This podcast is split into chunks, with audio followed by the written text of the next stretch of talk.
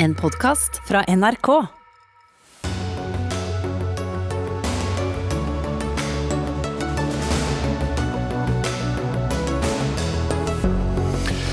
Pensjonistforbundet nekter å godta tilbudet i årets trygdeoppgjør, mens ansvarlig statsråd mener det er all grunn til å være fornøyd.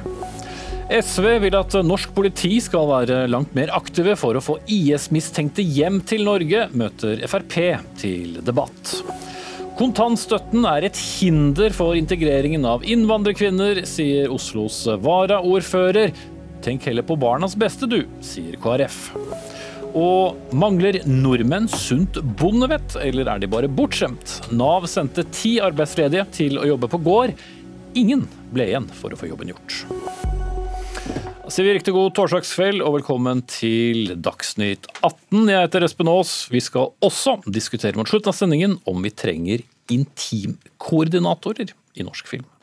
Men først til eh, trygdeoppgjøret. Pensjonistforbundet nekter altså å skrive under på eh, oppgjøret. Kravet deres er på 3,83% økning Tilbudet fra staten er på 3,58, altså en differanse på et kvart prosentpoeng. Dermed blir det opp til Stortinget å fastsette rammen på oppgjøret, etter at eh, opposisjonen inngikk et forlik i fjor som la opp til at pensjonister og trygdede skulle få gjenopprettet kjøpekraften. Og Jan Davidsen, leder i Pensjonistforbundet, for alle som har takket ja til 2,7% blant arbeidstakerne, lurer jo på hvorfor ikke dere ville godta 3,58? Nei, det Svaret ligger jo i det vi alltid fikk høre under de årene vi ble regulert under eh, prisutviklingen, at eh, nå må dere se dette i større sammenheng. Og Det gjelder jo også dette oppgjøret her. fordi at Vi er fornøyd med oppgjøret. Fordi at vi har klart å, å for en gangs skyld å klare å få ut en økning av kjøpekraften.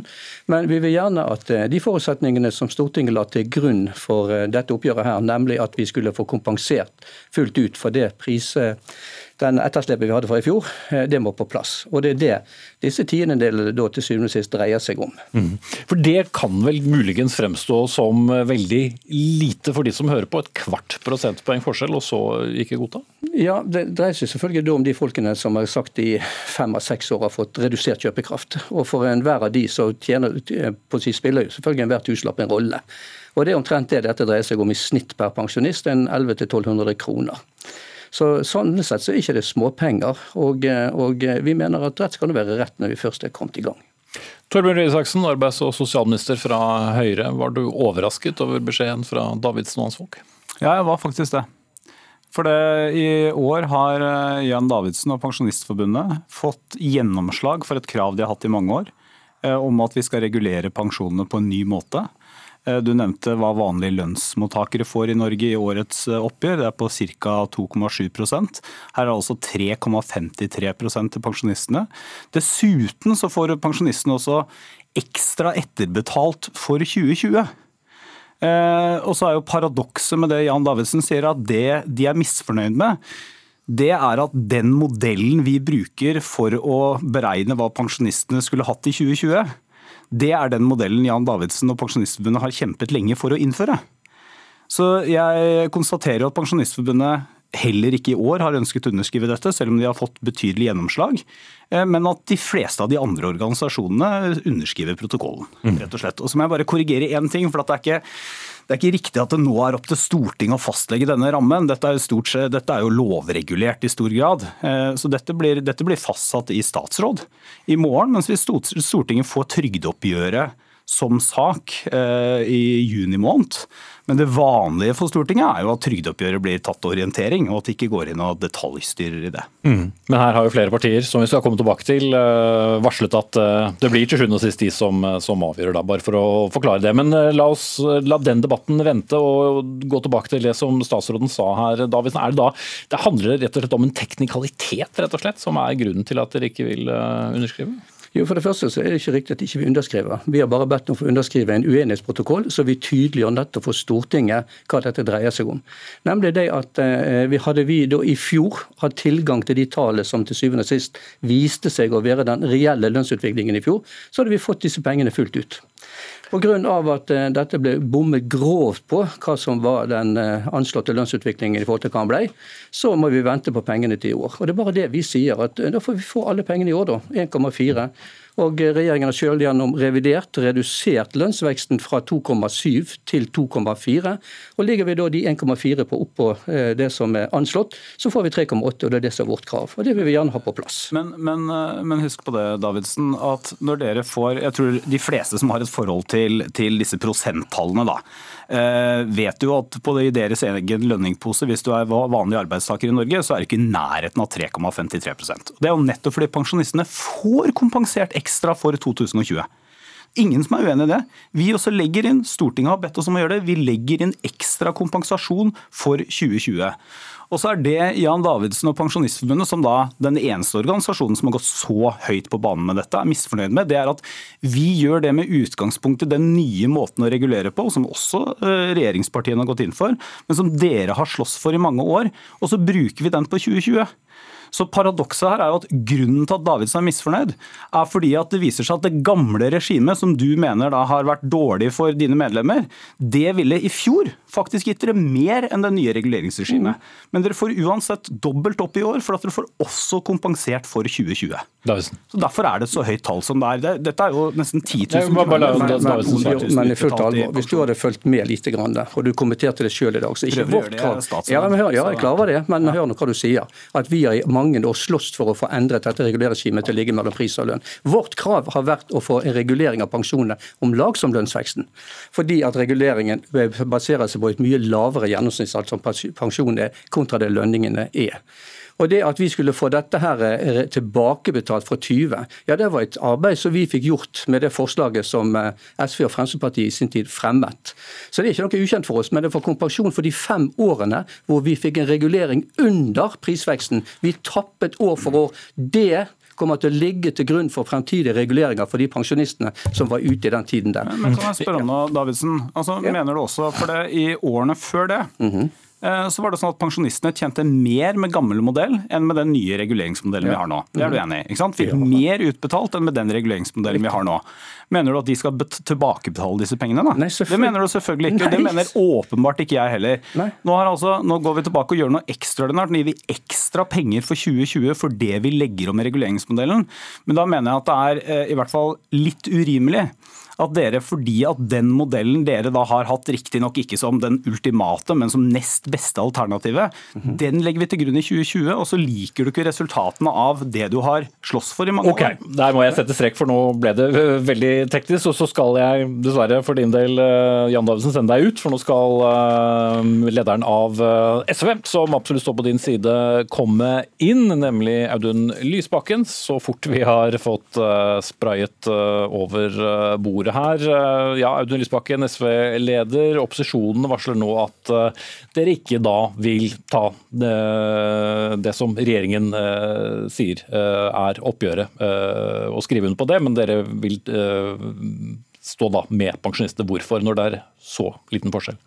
Nei, Det er jo eh, fordi vi er opptatt av at det Stortinget har sagt skal gjennomføres. Eh, og vi har vært ute etter eh, et bredt flertall på Stortinget å sørge for at de mange årene med minusoppgjør at du skal ha en form for ny start nå, som kan kompensere for det på en god måte. Jeg vil si, altså, jeg er jo, sant, Dette er et godt trygdeoppgjør. Eh, det er jeg enig i, og det er bra. Men det er også helt rimelig. For det har vært så mange dårlige oppgjør gjennom så mange år. Og regjeringens manglende vilje til å gjøre noe med det har vært enda et bidrag til den forskjellspolitikken som denne regjeringen har stått for. Og det har jo gått hardest utover eldre med lave pensjoner. Mm. Men i dag er det så mange andre, eller i år og i fjor er det jo så mange andre som kommer så dårlig ut av, eh, av, av disse årene økonomisk pga. Av, av korona. Er dette riktig tidspunkt da på å ta den feil? Eh, en kan ikke se dette året isolert fra de andre. Eh, og Det er jo nettopp fordi det har vært mange år med minusoppgjør, eh, tapt kjøpekraft, som aldri har vært meningen, tror jeg fra noen partier, ikke fra Høyre sin side heller, at pensjonssystemet skulle føre til.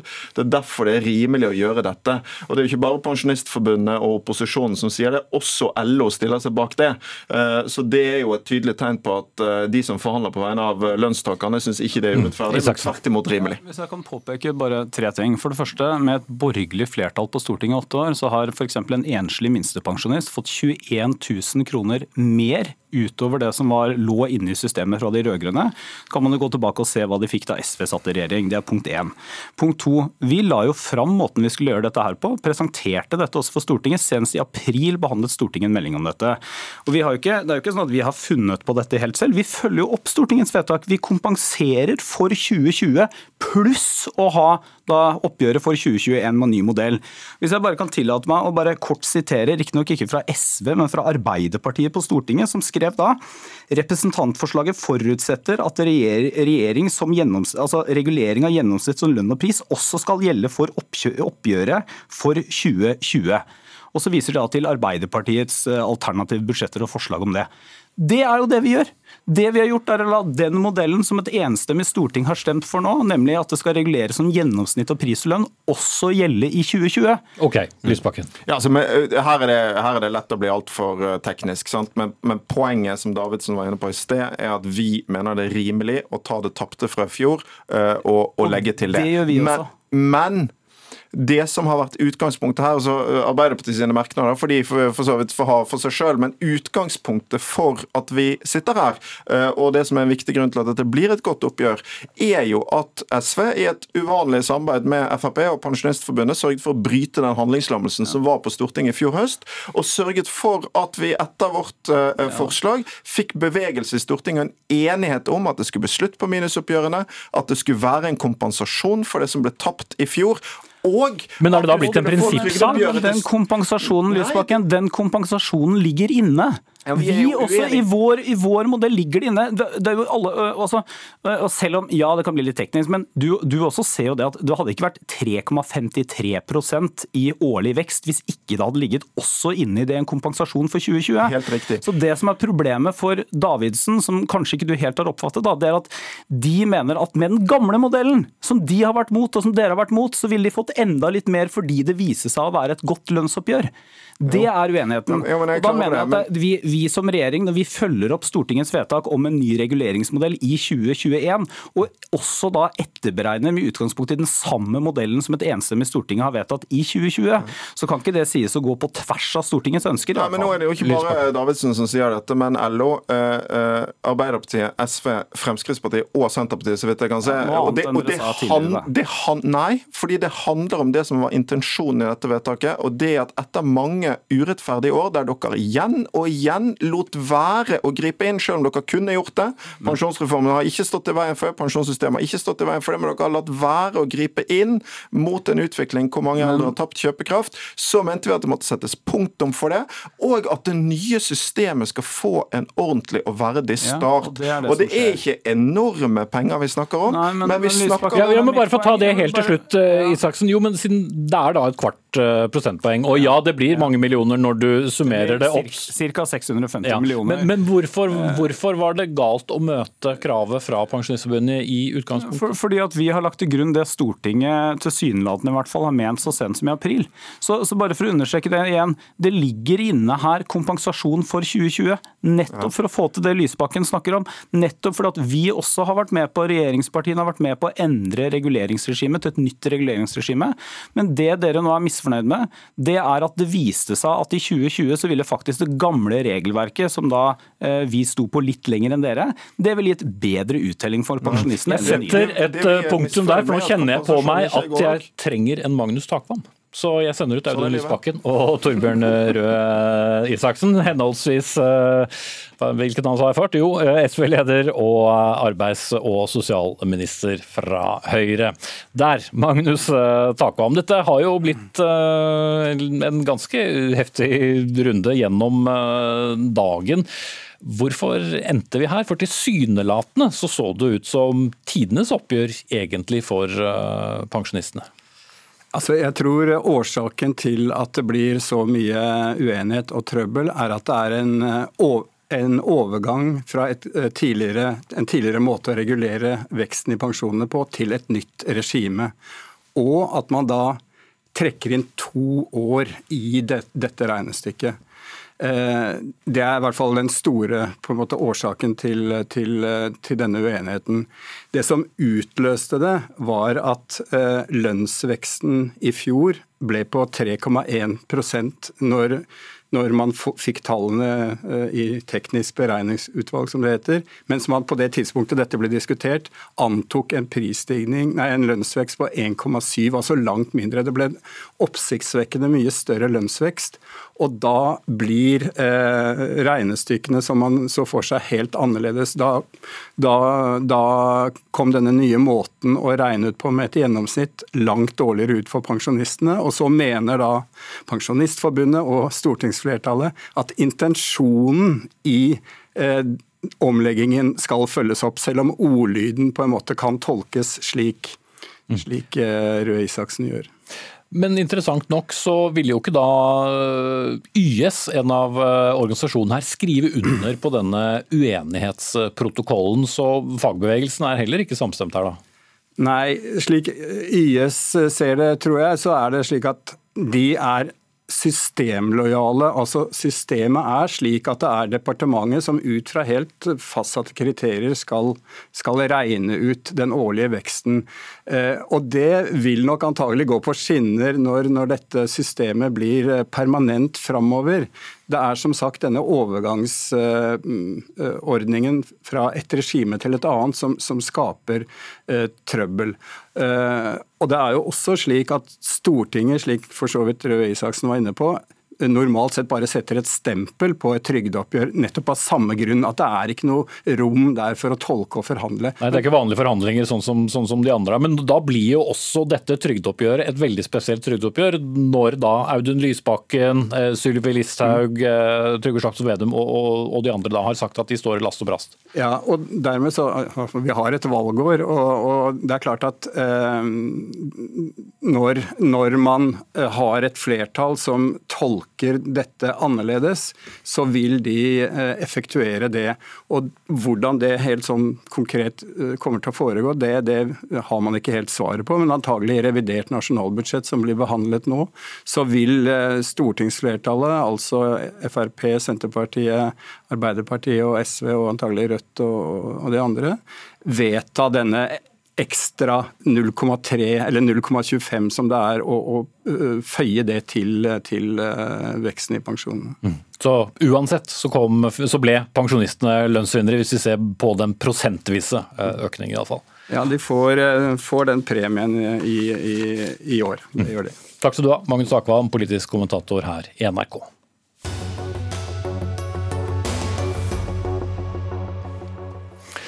Så til en eh, annen sak som eh, jo så til de grader har eh, vært politisk brennbar, nemlig striden om kvinner med norsk statsborgerskap som ble gift med IS-terrorister. Som kjent har to kvinner, norske kvinner i Syria bedt Utenriksdepartementet om hjelp, kort tid etter at jo en tredje kvinne her hjemme ble dømt til tre og et halvt års fengsel for IS-deltakelse.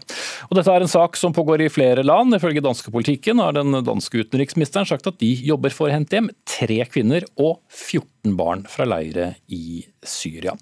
Ifølge Utenriksdepartementet, som ikke ville være med i sendingen, så har UD da uh, fått uh, henvendelse fra de to norske kvinnene i Syria via en tredjepart. Og De sier at disse henvendelsene vil bli besvart, men av hensyn til taushetsplikt så vil de ikke kommentere dette ytterligere.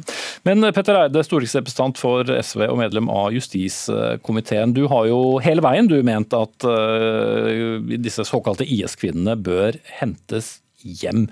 Hvorfor er det riktig? Først og fremst så mener vi i SV at de som har, står bak alvorlige krigsforbrytelser, altså de som har vært med, tilsluttet IS, de har kanskje deltatt i henrettelser, i massakrer, i tortur. Eh, og de som da har en type um, tilknytning, sånn som disse IS-kvinnene vi snakker om, eh, vi er veldig opptatt av at de skal etterforskes for, de, for mulige forbrytelser. Og de skal, eh, hvis de er skyldige, så skal de straffes og sitte i norske fengsler.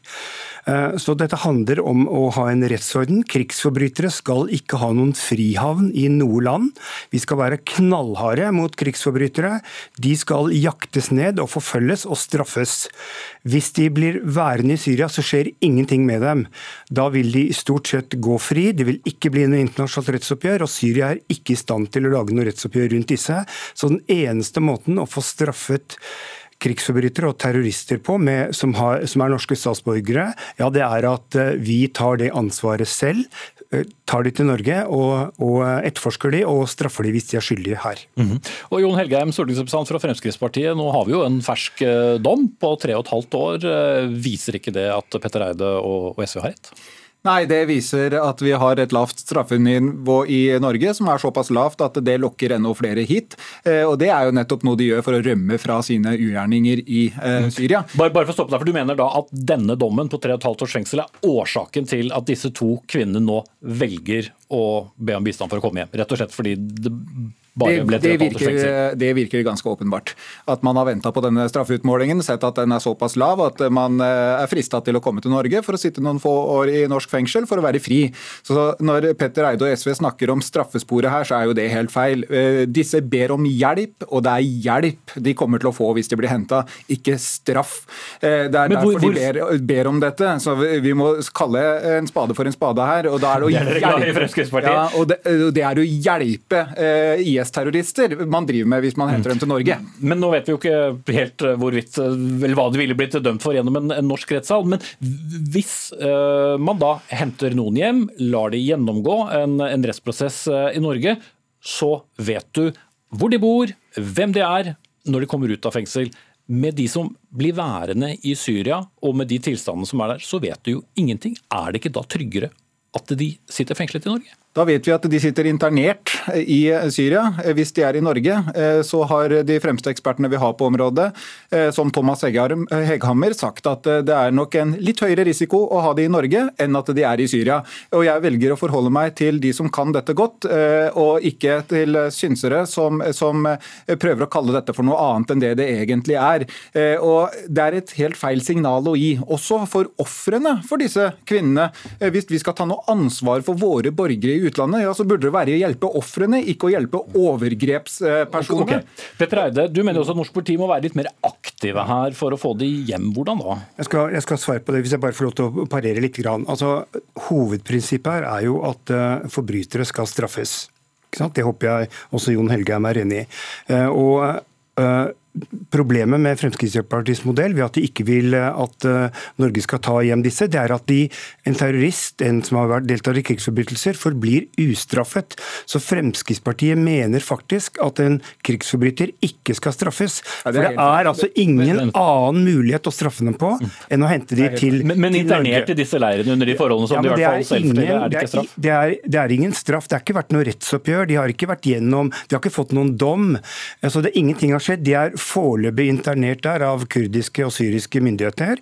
Kurdiske og syriske myndigheter har bedt Norge om å hente de hjem til et rettsoppgjør i Norge, fordi de vet at det ikke kommer til å skje noe internasjonal domstol. Det kommer ikke til å være noe rettsoppgjør i Syria. og, og Derfor skal vi være mer aktive? Du skal slippe til, eh, derfor skal, bare få svar på derfor det. skal eh, vi være mer aktive. Nå har dessverre også regjeringen i de siste budsjettene kuttet budsjettene til Kripos, sånn at de mangler ressurser til å, eh, med et internasjonalt politisamarbeid til å, å jakte ned krigsforbrytere i andre land for å frakte de hjem til Norge.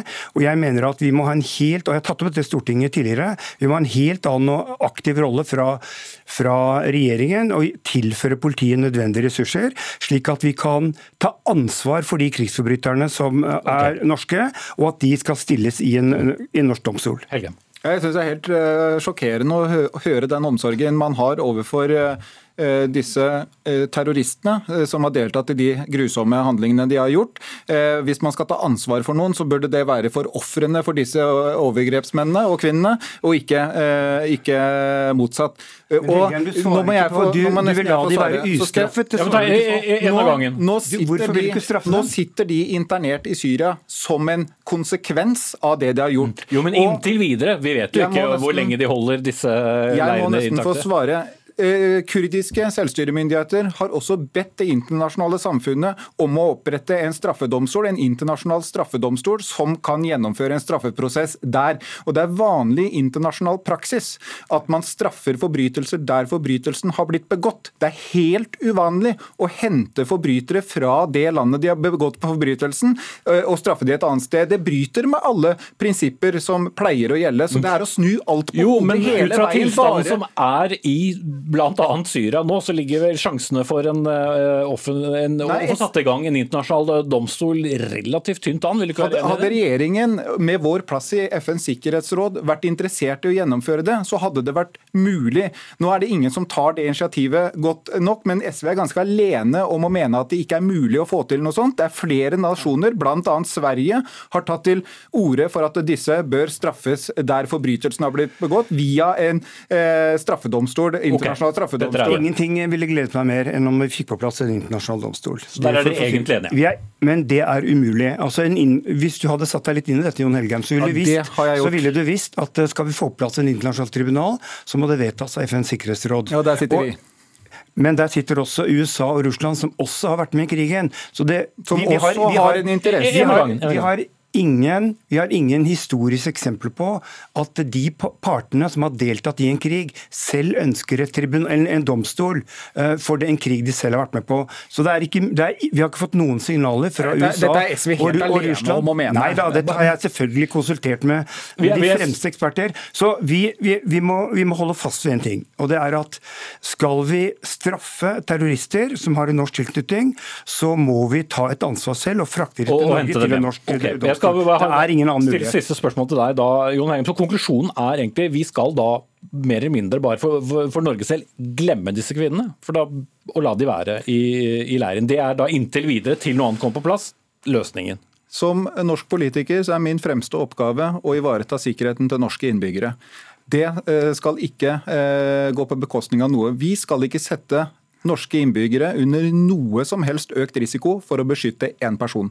Det er et veldig viktig prinsipp. Og så er det signaleffekten. Hvis vi skal begynne å hjelpe mennesker i utlandet som sliter, så ville jeg begynt med noen som ikke har vært medlem av IS. Okay, da ville jeg begynt poenget, med noen av mange, de mange som sliter med sine saker, som ikke får noe hjelp fordi de ikke har vært men, medlem av IS. Men svaret på kvinnene, bare for å få et, hvis du kan gi meg et ja eller nei helt til slutt, de skal da bli værende der, og så er ikke de lenger eh, en oppgave for, for, norske myndigheter. Som jeg var inne på, så, så er eh, det landet som en forbrytelse har blitt begått i, ansvarlig for å straffeforfølge det. Ja, da jeg det som et ja. Men, det er, nei, jeg skal sette strek, jeg, jeg, jeg strek nå, Jon Helgeir. Nei, for nå er vi langt på overtid. Du har mange følelser, Vi gjentatt det selv opptil flere ganger, har jeg hørt. Petter Eide, stortingsrepresentant fra SV, Jon Helgeim fra Frp.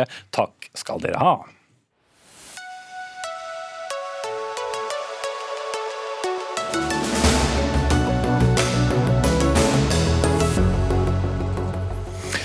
Så et uh, lite teppeløft mot slutten av sendingen, hvor vi stiller spørsmålet ville du følt deg komfortabel med å være naken foran et kamera. Det er det i hvert fall ikke alle skuespillere som er, og ber nå om eh, det som kalles intimitetskoordinatorer på settene for å bistå når, bistå når slike scener skal eh, spilles inn, og få støtte av Skuespillerforbundet. Men det blir likevel debatt om dette mot slutten av sendingen. Så til noe som mange sikkert vil tenke er en liten gjenganger i dette studio, nemlig kontantstøtten. Vi har jo allerede denne uken vært innom at Høyre-landsmøtet gikk inn for å fjerne den ordningen, samtidig som et flertall i opposisjonen har bedt om det samme lenge. Og På sosiale medier så har du vært klar på at denne kontantstøtten heller ikke er bra for innvandrerkvinner. Kamse Gunnar Atnam, Arbeiderpartipolitiker og varaordfører i Oslo, og stortingskandidat. Begrunnelsen din for det? Begrunnelsen er, er, mange, men det er noe med at barn som holdes hjemme tidlig i den alderen, lærer seg ikke norsk, lærer seg ikke sosiale koder, får ikke den utviklingen de trenger. og mødrene deres kommer ikke ut i arbeidslivet. Eh, I morgen er det nøyaktig 30 år siden jeg kom til Norge, og en av de tingene som var vellykka for oss, det var at vi fikk barnehageplass med en gang, og at moren min da kunne dra på norskkurs. Og det er veldig viktig også for innvandrerkvinner som lever i dag i eh, Norge eh, anno 2021. Mm -hmm. Men det er jo mye kortere tid man kan få kontantstøtte nå enn for mange år tilbake, så vil det også da, eller hvordan vil da et år være så avgjørende? Det er kjempe, kjempeavgjørende, for du kan også for det første ha flere barn. Eh, og hvis du er hjemme med den yngste, så kan du også holde de andre barna under skolealder eh, hjemme. Men alt har noe å si. At eh, utviklingen starter tidlig, og at den connection du får med det norske samfunnet og nå bruker jeg ord, engelske ord, og, den tilknytningen du får til resten av samfunnet og fellesskapet, det må starte tidlig. Og jeg mener at det er dyrt, det er unødvendig, og det fungerer ikke for, for våre damer i Oslo. Mm. Men de som du da kjenner venner, enten i egen omgangskrets eller i, i familie med innvandrerbakgrunn. Hva er deres syn på kontantstøtten? Vet du hva, Jeg representerer ikke noen bestemt gruppe. Det jeg representerer er frihet. Friheten til å være jo, jo. Men du snakker jo med folk eh, ja, ja, fra der du bor. Det gjør jeg. og, og hva er deres holdning til kontantstøtten? Er den omstridt? Støtter de den? Summen ser vi som eh, den trenden eh, viser i Oslo og andre steder, er at flere barn er i barnehage og færre bruker kontantstøtte. Så det er jo trenden. Så liksom kontantstøttens dager er jo talte.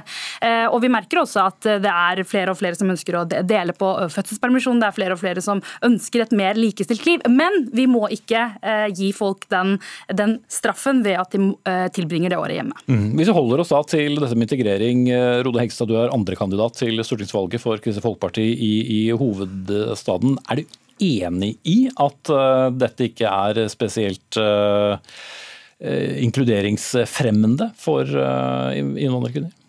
Jeg er uenig med Gunnar Ratram i at det er dårlig for barna å være hjemme i det første, altså de de første to leveårene, da, som det blir, eh, selv om foreldrene har innvandrerbakgrunn. Vi vet at barn kan lære mye språk også senere, og hvis man er hjemme fram til man er to år, så har man fortsatt fire år igjen i barnehage før man begynner på skolen. Og så skal man gå lang tid i, i skole, så man har mye tid til å ta igjen det. Og det, det som var nytt i, i, argumentasjonen i dag, som jeg reagerte veldig sterkt på, var nettopp det med å påstå at det ikke er bra for barna å få lov å være hjemme med sine foreldre. Og det er veldig veldig mange. Det er mange tusen familier som velger å ha barna sine hjemme litt lengre enn det som er foreldrepermisjonsordningen. Men er det bra eller dårlig for barna da om mor kommer raskere i jobb?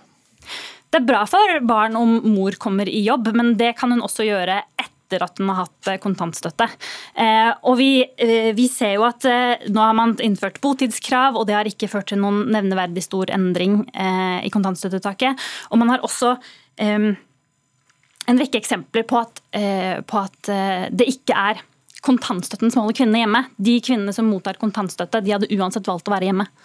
Det stemmer jo ikke. Det er jo flere, flere forskning, eh, forskningsrapporter som viser at eh, kontantstøtten det går direkte utover innvandrerkvinners yrkesdeltakelse. Er det én gruppe vi burde ta den nye likestillingskampen for, så er det kvinner med innvandrerbakgrunn. Og at de da ufrivillig, eller det man liksom kaller frivillig, men som ikke er det, eh, av mangel av andre alternativer, tilbringer den tiden hjemme uten å bli selvstendig. At vi tillater at det skjer i Norge, det er det jeg ikke, ikke forstår. Og så til det med at, eh, at det er dårlig eller ikke for barn å være hjemme vet du, Det er ikke det som er spørsmålet. Spørsmålet er ikke, altså, Jeg tror du og jeg, som er privilegerte kvinner i Norge, og som kommer til å få oss en jobb any day, anytime, vi kommer til å være ikke bare gode mødre, vi kommer også til å gi barna alt de trenger. Men hvis du som mor ikke har tilknytning til resten av samfunnet, så er det faktisk begrensa hva du kan gi barna dine. Og da er det viktig at vi gir dem muligheten til å starte tidlig i barnehagen, fordi det er sånn at summen av forskningen viser at tidlig barnehagestart er bra. For språklig utvikling, for logisk utvikling og for sosial utvikling. Hegstad. Det er jo direkte feil. det du sier. Man har jo ikke god forskning som viser forskjellen på å starte i barnehage om man er ett eller to år. Eh, det har man ikke. Og når man ser på språkutvikling, så har barn som startet eh, da før toårsalder og ved toårsalder, ca. lik språkutvikling når de er tre år. Så her er det eh, faktafeil. Men, men det er også det, at det er relevant hva som er bra for barna. Og du sier at en mor uten eh, høy utdannelse kanskje ikke kan gi barna sine det samme. Jo, det kan hun. Hun kan gi barna sine omsorg. Hun kan være der for barna sine. Hun kan gi dem støtte, hun kan gi dem stimuli. Det er kjempeviktig. Og vi vet at det kan være veldig veldig bra for mange barn å begynne i barnehage. Og det kan være veldig bra for noen barn å være hjemme lengre. Og nettopp den forskjellen er det som er viktig, og det er den forskjellen du ikke ønsker å ta inn over deg. At det er forskjell mellom familier, og vi var nødt til å gjøre det mulig for familier å velge forskjellig nettopp fordi de er forskjellige. Alle barn er ikke like når de er ett år. Og da avslørte, du, da avslørte du problemet med kontantstøtten. Det er mor som er hjemme, og det er kun mor som er hjemme. Og så er det jo også slik at uh, sysselsettingsgraden er jo også lavest i uh, i hvert fall en del uh, innvandrermiljøer, altså kvinner fra en, en viss type land. så er det bra, da? Nei, og det er klart at De må ta grep som sørger for at kvinner kan delta i arbeidslivet på lik linje med andre. Men du kan ikke bare kaste ut kontantstøtta og ta fra familier all valgfrihet av den grunn. Her må det komme inn andre tiltak. Og Jeg er ganske sikker på at veldig mange av disse kvinnene hadde vært hjemme uansett. Og Da er det rett og slett et spørsmål da, For disse familiene har lav inntekt. Så sannheten er at hvis man tar bort kontantstøtta, så sender du dem under fattigdomsgrensa og skaper større forskjeller. Så hvordan er det god arbeiderpartipolitikk? Er den så høy, den kontantstøtta? Gulrøtter og pisk er kjempeviktig. Så her I Oslo vi har hatt en enorm barnehageutbygging siden 2015. Vi har halvert kontantstøttebruken. Det funker, men fortsatt så må vi jobbe med å få kvinner i arbeid. Så da er jo utfordringen tilbake til KrF. Hva slags tiltak har dere for å få både barn i barnehage og kvinner i arbeid? Det savner jeg å se. Og det er det vi snakker om. Vi må både ha tiltak for å få kvinner i arbeid, barn i barnehage. Og så er det veldig viktig for meg å påpeke ja, mor ga meg mye omsorg, men mor hadde ikke språk hun kunne overføre til meg. Hun kunne ikke stimulere meg i norsk. Hun kunne ikke gi meg, altså lære meg sosiale koder ved at jeg gikk hjemme som treåring. Og det er det vi må gi eh, muligheten til, eh, alle barn. Men nå med så mange partier, og da Høyre som siste, selv om statsministeren vel har noen egne meninger om det vedtaket på, på, på landsmøtet, Hegstad, må også KrF se for seg at eh, i alle fall så vil kontantstøtten bli annerledes? Eller skal dere stå på at den skal være som den er? Jeg tenker at Kontantstøtten er viktig nettopp fordi den representerer valgfrihet for familier. Eh, og Vi snakket om ettåringers utvikling. Noen ettåringer kan gå, noen ettåringer kan snakke. Noen ettåringer elsker å være med andre mennesker. Andre ettåringer kan ikke gå, kan ikke snakke, liker ikke å være så mye med andre mennesker. Og Hvis man skal ta høyde for at foreldre vet hva som er best for barna sine, så må foreldre ha reell mulighet til å velge. og Det er det kontantstøtten handler om. Og Når Arbeiderpartiet snakker om kontantstøtten, så snakker de om, som om deler av oss, deler av samfunnet, alle de tusenvis av familiene som velger å ta ut kontantstøtte kontantstøtte og være lenger hjemme med barna sine, velger feil. Og der er Jeg uenig. Jeg er uenig i at alle barn skal i barnehage fra de ett år. Det er ikke et politisk mål. Det politiske målet må jo være at familiene kan velge selv, og at de kan velge det som er godt for seg og sine barn. For det vet ikke vi som politikere, det vet familiene best selv. Kort, kort til slutt, Gunnar Atnam. Foreldre vil det beste for barna. Det utelukker ikke det faktum at barnehage for barn tidlig er veldig bra. Ok, kort og godt. Bra det. Kanskje Gunnar Atnam fra Arbeiderpartiet og Rode Hegstad fra Kristelig Folkeparti, begge kandidater til stortingsvalget.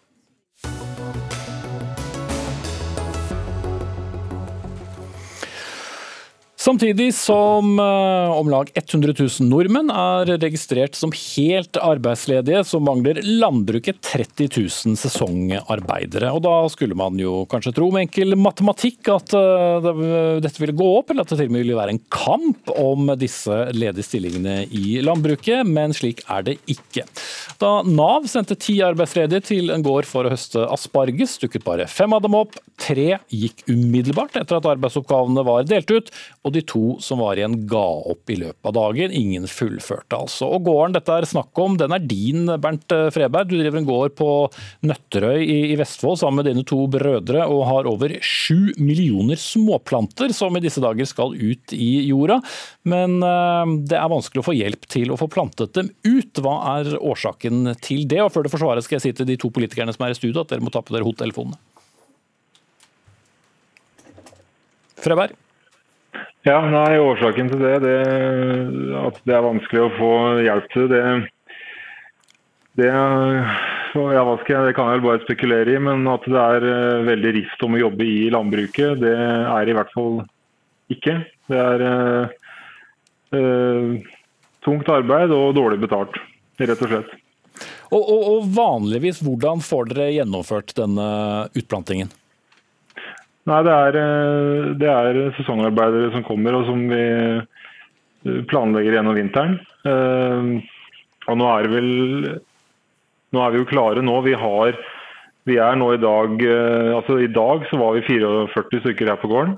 Vi var, vi var seks norske, sju stykker fra Oslo Crew som kom kjørende fra Oslo og hjalp oss. Og det var ni stykker fra Vestfold landbrukstjenester. Så vi er mange norske, og vi, eh, og vi, så vi skal få det til med nå. Men det er jo da innhøstinga og da utover sommeren som vi er virkelig bekymra for. da. Mm. ikke eh, klarer å planlegge.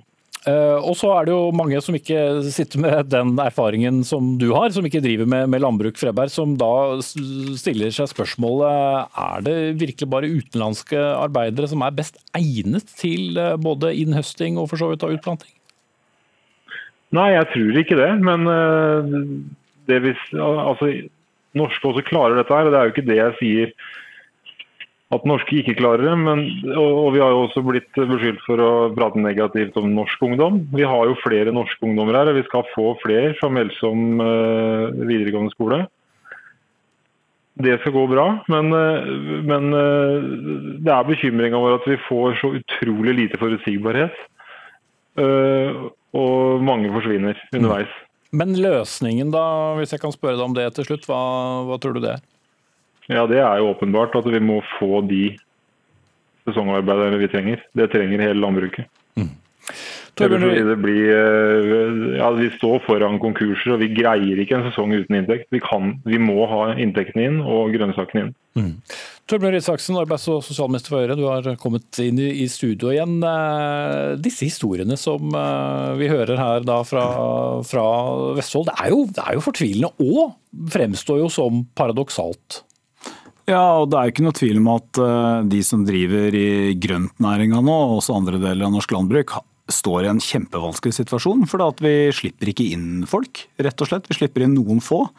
Eh, og så må jeg også si at hvis du, hvis du er på Nav og har takka ja til en jobb, så har du å møte opp. Konsekvensen hvis man ikke gjør det og ikke har noen god grunn, det kan være at man får trekk i dagpenger. Det, er, det må være klart for de fleste. Men så er det i bunn og grunn så handler jo dette om eh, en, en ikke enkel ting, men en eh, enkel ting å fremstille, men en vanskelig vurdering. og det er at vi vet at hvis vi øker faren for importsmitte, så er sjansen stor for at eh, vi enten må åpne opp seinere, eller i verste fall for nye oppblomstringer av smitte. Det vil ha store negative konsekvenser. og Derfor har vi innført veldig strenge regler og reguleringer på grensa inn til Norge. Og Det gjør at eh, for denne sesongen så må vi i hvert fall planlegge så godt vi kan for å også bruke mer norsk arbeidskraft. Eh, få hjelp av Nav. Eh, Landbruksdepartementet har laga egne tilskuddsordninger for å lære opp folk også.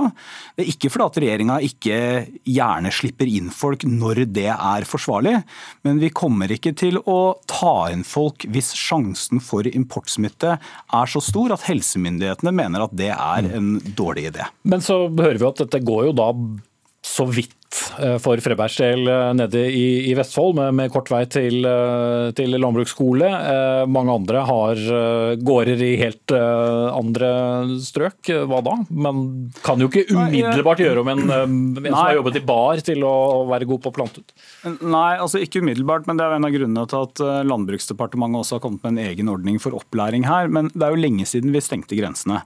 Og Det er jo ikke noe som regjeringa ønsker. Vi ønsker at norsk landbruk og andre deler av næringslivet skal få den arbeidskraften de trenger. Og vi vet at mange også pleier å bruke arbeidskraft fra utlandet. Det som er mitt poeng er rett og slett at pga. faren for importsmitte, så er det nødvendig å ha strenge begrensninger på hvem som får komme inn i Norge. Og det får noen konsekvenser. Mm. Eh, og det betyr at vi kommer ikke til å slippe opp eh, før vi vet at det kan gjøres forsvarlig og riktig. Eh, og vi kommer heller ikke til å legge til side faglige råd om å hindre importsmitte. Okay. Det er, det er... for å få dette til. Men vi skal gjøre det vi kan innenfor de reglene som er, selvfølgelig. Per Olof Lundteigen, stortingsrepresentant fra, fra Senterpartiet. Skal vi satse på norsk arbeidskraft? Ja, Selvsagt skal vi det.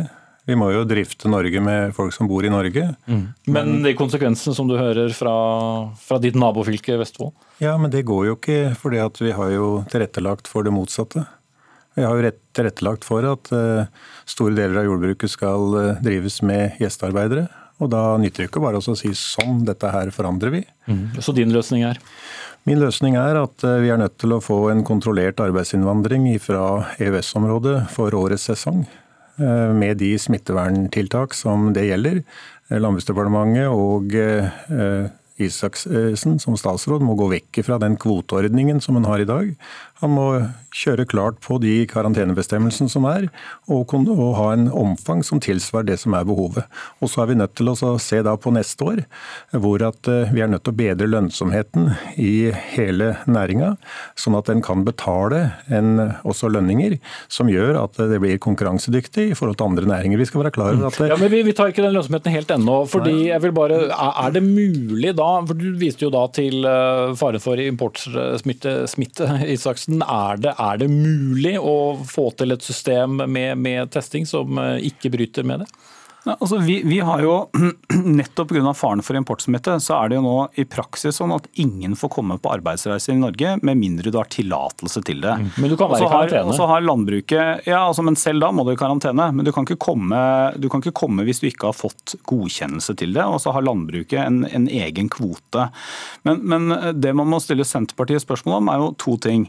Eh, er det enten sånn at dere mener de rådene vi får, smittevernfaglige rådene om å begrense importsmitte, at vi skal overprøve det politisk, eh, og si at ja, det har ikke noe å si hvor mange som kommer inn, at vi kan slippe inn 10 000-15 000, er vel det som er anslagsvis det norsk landbruk bruker i løpet av en normalsesong.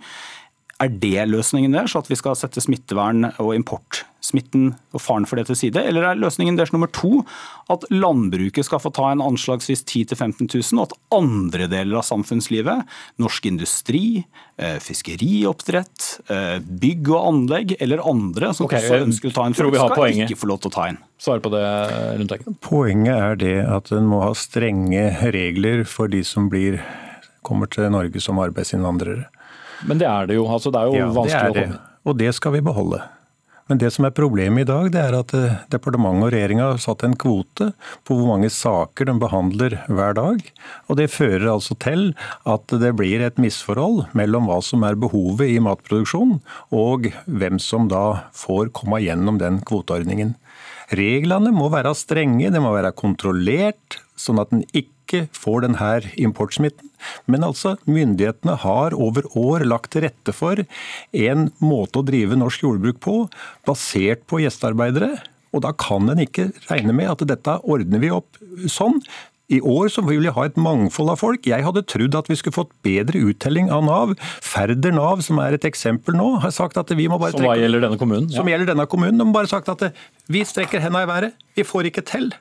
Og det er ytterst beklagelig, men dette er jo bl.a. et resultat over da at dagpengene i dag for en som bare tjener 300 000, har jo et beløp per time som er høyere enn allmenngjort tariffavtale i jordbruksarbeid. Da er vi fort over i ja, men, men, jeg, en annen diskusjon. Jeg kan gjerne si noe om det. og Nettopp pga. det så har jo vi eh, lansert, eller ikke bare lansert, gjennomført et forslag som Senterpartiet også var veldig imot. Vi har nemlig sagt at du får beholde mer av dagpengene dine, kombinert med da eh, en jobb i eh, jordbruk eller landbruk.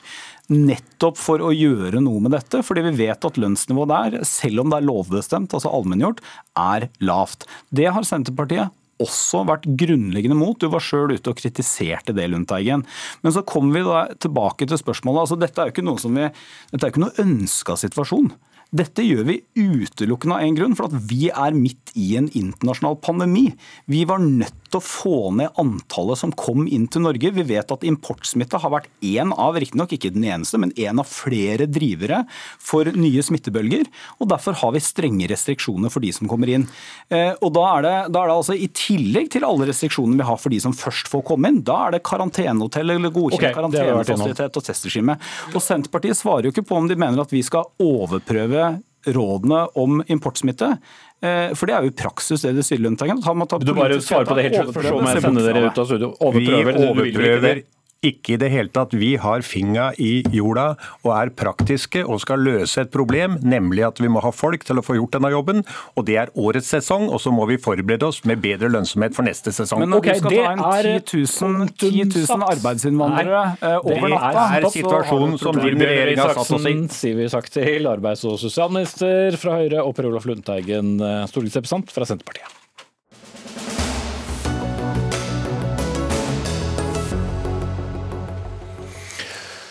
Mange som har vært litt mer hjemme enn de pleier det siste drøye året, har kanskje fått sett mye på TV-serier. Og hvis jeg stiller spørsmålet hva har seriene Bridgerton, Normal People og Sex Education til felles? Vel, Det er ikke sikkert du har det svaret jeg sitter med, men det svaret er at de brukte intimitetskoordinatorer for å tilrettelegge sexscener, slik at de ble gjennomført på en trygg måte, og at grensene var avklart mellom skuespillere og regissører før opptak. Og Nå etterlyser norske skuespillere slike koordinatorer på sett her hjemme. Og Thea Sofie Loknes, du er skuespiller og har blitt intervjuet om dette i, NRK i dag, mange har hørt deg der, men du har også opplevd situasjoner hvor du har hatt behov for en slik koordinator. Så rent praktisk, hva er det de bidrar med?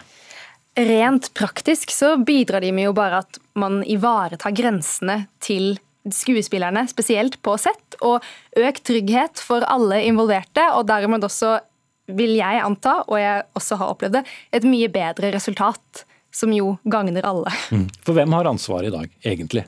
Eh, I dag så blir det litt som spredt. Noen regissører tar det på seg, andre gir det kanskje litt videre til kostyme eller sminke, som jo jeg skal passe på kostyme og sminke. Um, så det er litt sånn ikke helt avklart hvem det er som har det ansvaret. Og det kan være litt skummelt. Mm. Men det oppleves som et problem at det ikke er én spesifikk person på et filmsett som uh, tar seg av dette? Eh, ikke nødvendigvis. Jeg har jobbet med regissører som klarer det til punkt og prikke, og som jeg har følt meg ivaretatt i alle ledd. Men så har man også hatt erfaringer hvor man merker at oi, du er heller ikke helt trygg på den situasjonen. Her hadde det vært godt med en eh, intimitetskoordinator som kunne også avlaste deg som regi. Mm for at man da kunne fokusert på regioppgaven. Du ble jo, som jeg sa innledningsvis, intervjuet eh, av NRK om dette, eller vi kontaktet deg og stilte spørsmål om det. ja. Eh, hvilke reaksjoner eh, har du fått etter at dette gikk ut i radioen i dag? Det var, altså Jeg tenkte at dette var en bitte liten kommentar og en helt åpenbar sak, men jeg har fått så mange meldinger fra regissører og skuespillere som stiller seg bak meg og sier takk, dette trenger vi, og dette må snakkes om. Mm -hmm. eh, nå er jo ikke jeg noen skuespiller, men Knut Alfsen, du er forbundsleder i Norsk Skuespillerforbund. Jeg har jo ikke hørt engang dette ordet tidligere, men altså i praksis i Norge i dag så er det da litt sånn flaks eller uflaks da, om dette blir ivaretatt, er det sånn å forstå? Ja, det kan du godt si. Det er, eh, det er nok på vei inn. så Det har vært på dagsorden hos oss eh, et par år nå. Og i utlandet så har de jo kommet mye lenger. Så i, Både i Storbritannia og USA så utdanner de jo intimitetskoordinatorer. Mm. Hvorfor er ikke dette kommet på plass i Norge, da, tror du? Nei, det Man har vel tenkt at det ikke er behov for, kanskje. Men jeg uh, syns jo Thea sier helt klart her at dette, dette er noe vi trenger, og det, det, har vi hørt fra veldig mange andre også. Mm. Erik Poppe, regissør som vi kjenner fra mange store norske produksjoner. Du er med oss på, på, linje. og Du sa jo i det samme innslaget som uh, vi refererte til i stedet, at du ville tatt det som en fornærmelse om du fikk tilbud om en uh, slik uh, koordinator. Hvorfor det? Um, la meg snakke for meg selv da, fordi um, jeg mener at utgangspunktet så er måte situasjonen vi har kommet i med måte synliggjøringen av, av misbruk eller overgrep uh, av um, medarbeidere på filmsett eller hvor som helst samfunnet, noe vi må ta på høyeste alvor. Så at det kan finnes et behov for en intimitetskoordinator der ute, det kan godt være. Men jeg opplever at min viktigste oppgave som regissør, og når jeg hører Thea forteller at hun opplevde at noen har satt det bort til en kostyme eller sminke eller noe, så skjønner jeg sånn sett ingenting. Jeg, jeg, ehm, jeg syns det er synd at hun har opplevd det, naturligvis. Eh, sånn skal det jo ikke være. Det er jo regissøren som er ansvarlig for å skape og etablere en trygghet, en, en, en, eh, en intimitet eh, og forståelse for det vi nå skal gjennom, forberede skuespillerne på hva vi skal igjennom i god tid før opptak. Eh, så for meg å slippe til en person som plutselig skal ta over mitt ansvar, og den fortroligheten som fins mellom skuespillerne og meg, det opplever jeg som, eh, som svært uheldig. Det vil jeg, på en måte, jeg ble, jeg ble litt fornærmet. Stoler ikke på meg. Men eh, når du da sitter på sett, og du, det er jo mye ansvar som ligger eh, hos eh, regissøren, og, og, det oppstår nye situasjoner på, på et sett, er du da skrudd til riktignok at du også kan ivareta en sånn situasjon, mens du jo har hele filmen eh, kvern i hodet? Altså, jeg skal være forberedt på så godt som alt som kan skje på et filmsett. Eh, og Når det gjelder spesielt scener som krever ekstra omtanke, og la oss si at Dette her er ikke bare intimitetsscener, det er også scener som ofte handler om de største og vondeste følelsene et menneske skal oppleve i livet. Som ikke har med seksualitet å gjøre, men som har med sorg og sjokk osv. Så, videre, så må jeg ta de situasjonene på høyeste alvor. Og Det betyr å investere tid i det, sammen med skuespillerne. Finne fram til hvordan vi skal løse dette. Ehm, så jeg ville selvfølgelig oppleve det som svært uheldig om noen skal frata meg et stykke av mitt arbeid, av mitt ansvar, mm. okay. og gå mellom meg og skuespillerne. Det vil jeg synes dessverre var uheldig. Skal gå via de to i studio. Begynne med deg, Ness, som var førstemann ut. Ja, jeg tenker at eh, Det handler først og fremst ikke om regissøren og hva hans følelser, men om skuespillernes følelser. Og Hvis det er noen som kan bli tryggere av det, så tenker jeg at det er det beste av alt. Og Jeg kjenner at jeg personlig hadde kanskje vært litt redd for å si ifra til en person som tar seg nær av det. Nettopp derfor er det jo trygt å ha en ekstra person som da kan ivareta meg og mine følelser og mine behov. Fordi at regissøren, når du er på jobb, er jo utvilsomt en av de mektigste personene. Ja. De bare ta det kort, eh, Popp, og så skal Alfsen få, få ord her igjen. Altså, jeg vil jo si at, eh, at dette trekkes fram, syns jeg er, er positivt. Eh, alle muligheter vi, vi, vi, trenger å se på for å gjøre vårt yrke og vårt arbeid eh, så trygt og godt som mulig, er bra. Og så må jeg si at eh, jeg mener jo at en skuespiller skal ikke bare forvente, men kreve at regissøren kan håndtere kunsten og gestalte intimitet foran kamera. For jeg mener, Hvis jeg har sluppet igjennom en scene, eller jeg har skrevet en sånn scene selv, så er det et minstekrav at jeg på en måte forstår og, begriper hvordan dette skal løses. Og så må jeg bare si at jeg er helt enig med, med Thea det, er det aller viktigste er skuespillerens opplevelse på settet. Så det er klart at uh, I en situasjon der en skuespiller rett og slett opplever at, dette, at det er vanskelig å si fra, uh, så har jeg forståelse for det. Uh, når en regissør i og for seg er en for dominant person, eller, eller en, en slags bøllete. Oh, okay. Men jeg jeg, jeg mener at dette er det positive med denne, denne, situasjonen nå er at la oss trekke fokus på regissørens ansvar. Og de som ikke klarer å løse den oppgaven, ja, de mener de har egentlig ikke noe i min bransje å gjøre. Ok, Da, Knut Alfsen, du, du er jo da fagforeningsmannen her. Ja, Det er jo faktisk arbeidsgiveren som har ansvaret for at alle ansatte er trygge på jobb. Og Det gjelder både fysisk, men det gjelder også psykisk. Eh, så det er klart at En del av dette er delegert til regissøren, men det kan også delegeres til en som er profesjonell på nettopp dette med intimitet. Og Et viktig punkt her er jo at skuespilleren skal gi sin samtykke, og skal gi samtykke til helheten til hver eneste lille detalj som gjøres. Og Det krever jo også at skuespilleren er veldig godt informert om hva som skal skje hele tiden, og at alt er veldig godt planlagt. Mm. Men bør det avklares på en, en, en bedre måte da på et sett i dag? Og Det trenger ikke bare å handle om en ung kvinne i en intim scene, det kan jo være en eldre skuespiller som skal dusje eller hva som helst, så bare så vi klarlegger det. Men, men forstår jeg det riktig at det er ikke nødvendigvis klar, klarlagt godt nok i dag? Nei, det er en del av intimitetskoordinatorens arbeid å sørge for at man har gått veldig grundig gjennom alle disse scenene på forhånd og snakket godt om det. Og det er jo sånn, eh, Erik, at eh, det er en veldig statusforskjell mellom en ung skuespiller og en eh, veletablert, dyktig regissør. Så det er ikke sikkert at regissøren er den som først får vite Øh, om det hvis en skuespiller føler seg ukomfortabel om noe. Mm. Skuespiller er jo veldig på tilbudssida. Bare spørre om en, ja, sånn Du skal få ordet straks, Poppe, men spørre om en praktisk ting. Altså, Hvem skal da ha ansvaret? Er det da også en del av produksjonen? At øh, produsent og regissør skal sørge for at en koordinator er på settet? Er det sånn forståelsen? Ja, Det kommer veldig an på, men det ansvaret ligger hos produsenten for at den ansatte skal være trygg. Og Så kan man jo finne forskjellige måter å løse det på. og Det kommer veldig an på den enkelte forestilling og den enkelte regissør. Så Jeg ser ikke bort fra at det finnes regissører som løser dette på en utmerket måte, det er ikke det jeg sier. Men eh, jeg mener at det er lurt å profesjonalisere dette, og at det er ett menneske på settet som har dette som sitt ansvar å passe på hele veien. Mm, pappa. Jeg må få skyte inn at jeg opplever, jeg håper jo at et flertall av regissørene, nesten så godt som alle av mine kolleger, håndterer dette veldig respektfullt og skjønner alvoret i denne situasjonen. Eh, jeg får håpe at ikke eh, jeg og noen få av oss representerer unntaket. Mm. Til slutt, Thea Sofie Lochnes, eh, tror du at du får se en intimitetskoordinator på sikt i din karriere? Absolutt. Vi må henge med i tiden, og dette er tiden.